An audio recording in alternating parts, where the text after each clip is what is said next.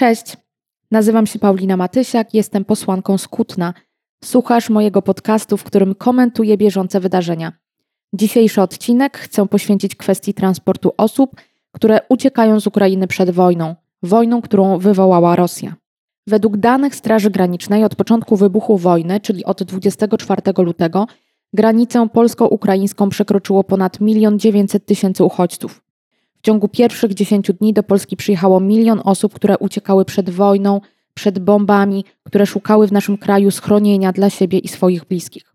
Mamy do czynienia z zupełnie nową sytuacją, niespotykaną na taką skalę migracją, podczas której w bardzo krótkim czasie przyjeżdżają do naszego kraju setki tysięcy osób kolejne setki będą przyjeżdżać. Według prognoz Biura Wysokiego Komisarza do Spraw Uchodźców ONZ na terytorium Unii Europejskiej wkrótce może znaleźć się od 2,5 do 6,5 miliona, a może nawet 7 milionów osób z Ukrainy, głównie kobiet i dzieci.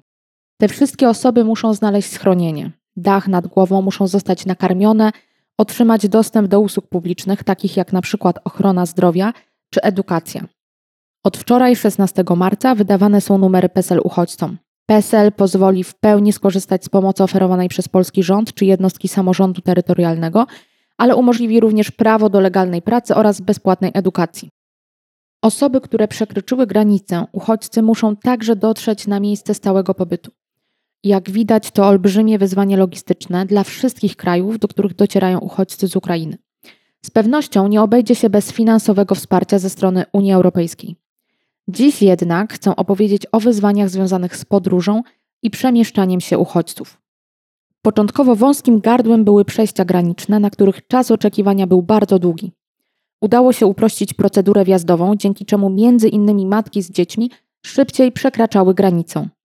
Trzeba mieć jednak świadomość, że znalezienie się w Polsce to nie koniec podróży Ukraińców. Muszą oni bowiem z przygranicznych miejscowości przemieścić się w głąb kraju. Stąd potrzeba wprowadzenia bezpłatnej możliwości przejazdów koleją. Pamiętajmy, że nie każdą osobę, która ucieka z Ukrainy, stać na polski bilet, a do tego dochodzi jeszcze kwestia usprawnienia przewozów osób, które przekraczają granicę. Jednym słowem, trzeba tym osobom pomóc w dotarciu tam, gdzie chcą, bo część osób kierowała się do konkretnych miejscowości, gdzie często byli już ich krewni czy znajomi, bądź przewieźć ich w miejsca, gdzie będą mieli zapewnione noclegi.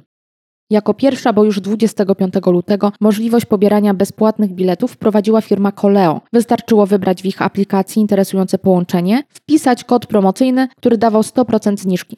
Dzięki ich działaniom udało się przekonać przewoźników do wprowadzenia podobnych rozwiązań. Pierwszymi spółkami, które wprowadziły analogiczne rozwiązania, były Łódzka Kolej Aglomeracyjna i PKP Intercity. Po nich dołączyli kolejni przewoźnicy.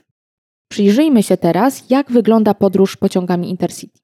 Obywatele Ukrainy mogą do 25 marca bezpłatnie podróżować drugą klasą pociągami TLK i Intercity w wagonach z miejscami do siedzenia.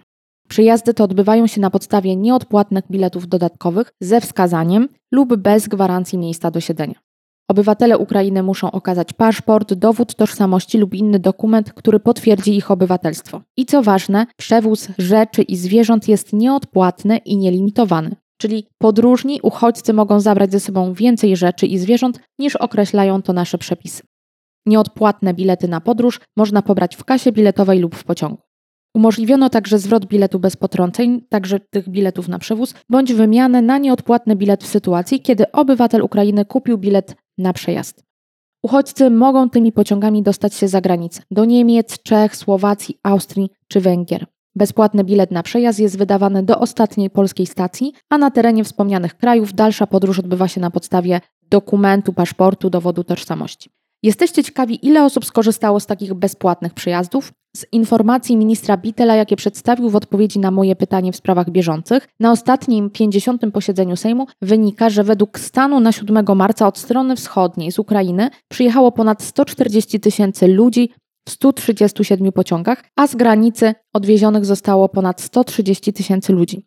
Biletów zerowych wydanych zostało ponad 200 tysięcy, to także stany na 7 marca. Z informacji na rządowej stronie Ministerstwa Infrastruktury wynika, że już blisko 390 tysięcy obywateli Ukrainy skorzystało z bezpłatnych przyjazdów pociągami PKP Intercity na terenie kraju i pewnie na dziś, 16 marca, ta liczba jest e, zdecydowanie większa. Jeśli chodzi o kolejowy transport uchodźców, to korzystają oni z rozkładowego transportu, wzmacnianego wagonami w miarę potrzeb. Jak informował minister Bittel, zrealizowanych zostało 700 wzmocnień wagonowych. Jest także transport specjalny, czyli taki, który jest organizowany do przewozu uchodźców. Od 24 lutego do 10 marca z miejscowości przy granicy z Ukrainą odprawiono w sumie 456 pociągów, w tym 254 wzmocnionych pociągów stałego kursowania, 96 dodatkowych pociągów uruchamianych taborem PKP Intercity i 106 pociągów uruchamianych taborem przewoźników regionalnych. Od 24 lutego do 10 marca Intercity wzmocniła 492 pociągi stałego kursowania na terenie kraju, łącznie 1520 wagonami. Tyle suche dane. Od 9 marca do odwołania wszystkie pociągi jadące z Polski do Niemiec kursują w kategorii Intercity. Tutaj spółka obniżyła kategorię czterech par połączeń z kategorii ekspresu właśnie na Intercity. Apelowałam razem z posłem Krzysztofem Śmiszkiem o umożliwienie uchodźcom korzystanie z tych połączeń i to udało się zrobić. Jest to niezwykle istotne z tego względu, bo pozwala na równomierne rozkładanie potoków pasażerów, którzy jadą do Niemiec, do Berlina. A jak wygląda to w liczbach? Od 27 lutego do stacji Rzepin to przejazdy do Frankfurtu nad Odrą i do Berlina wydano ponad 59 tysięcy bezpłatnych biletów, z czego blisko 31 tysiące zostało wydanych tylko z Warszawy do Rzepina. Również od 27 lutego mm, do stacji Chałupki, przyjazdy do Pragi i Wiednia wydano blisko 29 tysięcy bezpłatnych biletów, z czego 11 tysięcy zostało wydanych z Warszawy do Chałupek. Widać, że Warszawa to główny punkt przesiadkowy dla uchodźców. Duże miasto, mnóstwo różnego rodzaju połączeń w wielu kierunkach. Wolontariusze, którzy pomagają na warszawskich dworcach, mówią, że sprawdzają połączenia lotnicze z Okęcia i Modlina, kolejowe w różnych kierunkach, ponieważ uchodźcy w bardzo różne strony chcą dotrzeć. I tutaj może się zatrzymajmy.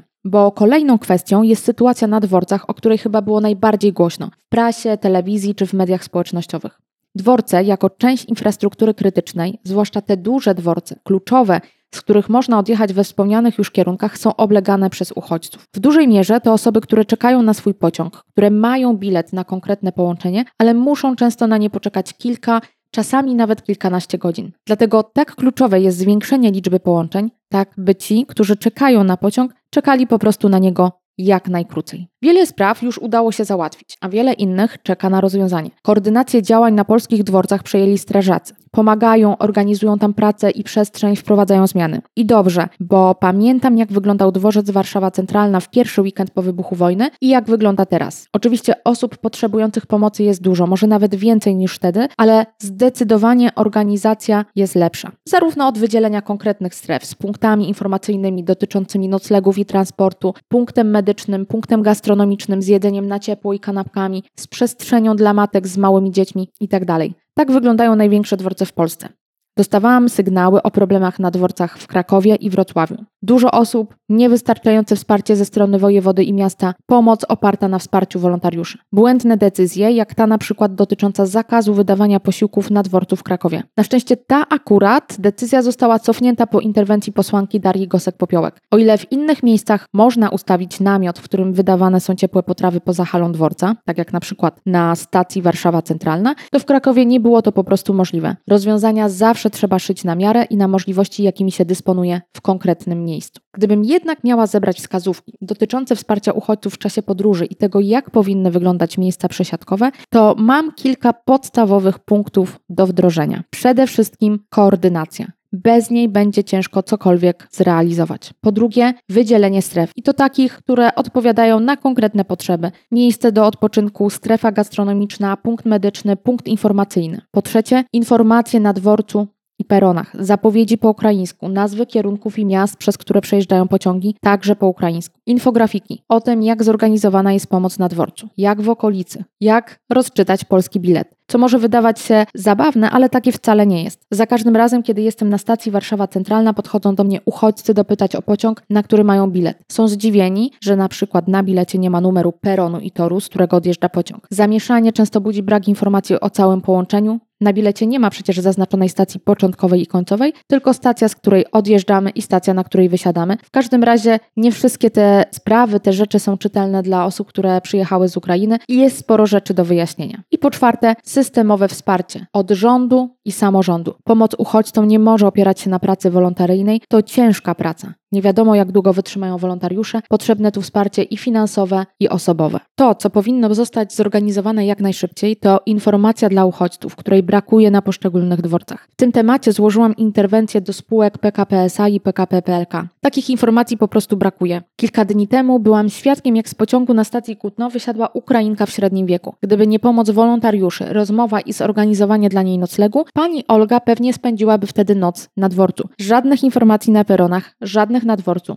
I to informacji podstawowych, gdzie się udać, jeśli potrzebny jest nocleg, jaki jest numer telefonu do kogoś z Miejskiego Zespołu Zarządzania Kryzysowego, w Kutnie taki zespół jest powołany, czy do osoby z Powiatowego Centrum Zarządzania Kryzysowego. To wszystko można zebrać przecież w jednym miejscu i umieścić na plakacie, który z pewnością przyda się potrzebującym. Nie lepiej jest na stacji Łódź Fabryczna. Brak plakatów i informacji w formie drukowanej. Niedostępne toalety. Trzeba za nie zapłacić. Są za to komunikaty głosowe w języku ukraińskim informujące o możliwości bezpłatnego podróżowania polskimi pociągami. Po trzech tygodniach od wybuchu wojny, trzech tygodniach przyjmowania uchodźców z Ukrainy w Polsce, wypadałoby tę kwestię związaną z informacją po prostu rozwiązać. Podobnie jak temat pobierania opłat za dostęp do toalet, bo zgodnie z rozporządzeniem 1371 z 2007 roku Parlamentu Europejskiego i Rady, które dotyczy praw i obowiązków pasażerów w ruchu kolejowym, Operator może pobierać opłaty za dostęp do swojej infrastruktury, tak jak robi to PKP SA, w którego zarządzie znajduje się większość polskich dworców, ale w zamian zapewniając odpowiedni standard także dla osób o ograniczonej możliwości poruszania się. I tutaj też kwestia toalet, po prostu pobieramy opłatę, toaleta powinna być bezpłatna. Tyle w temacie.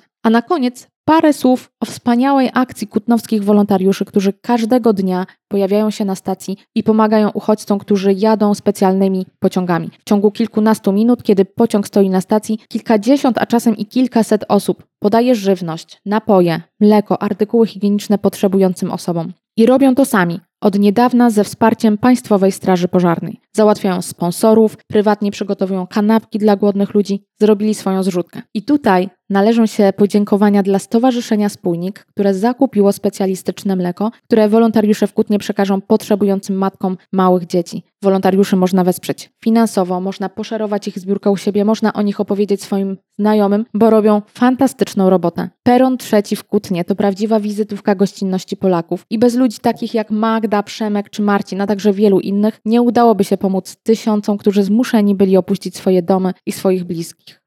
To już tyle na dzisiaj. Dziękuję za Twój czas e, ze mną. Do usłyszenia już niebawem, mówiła Paulina Matysiak.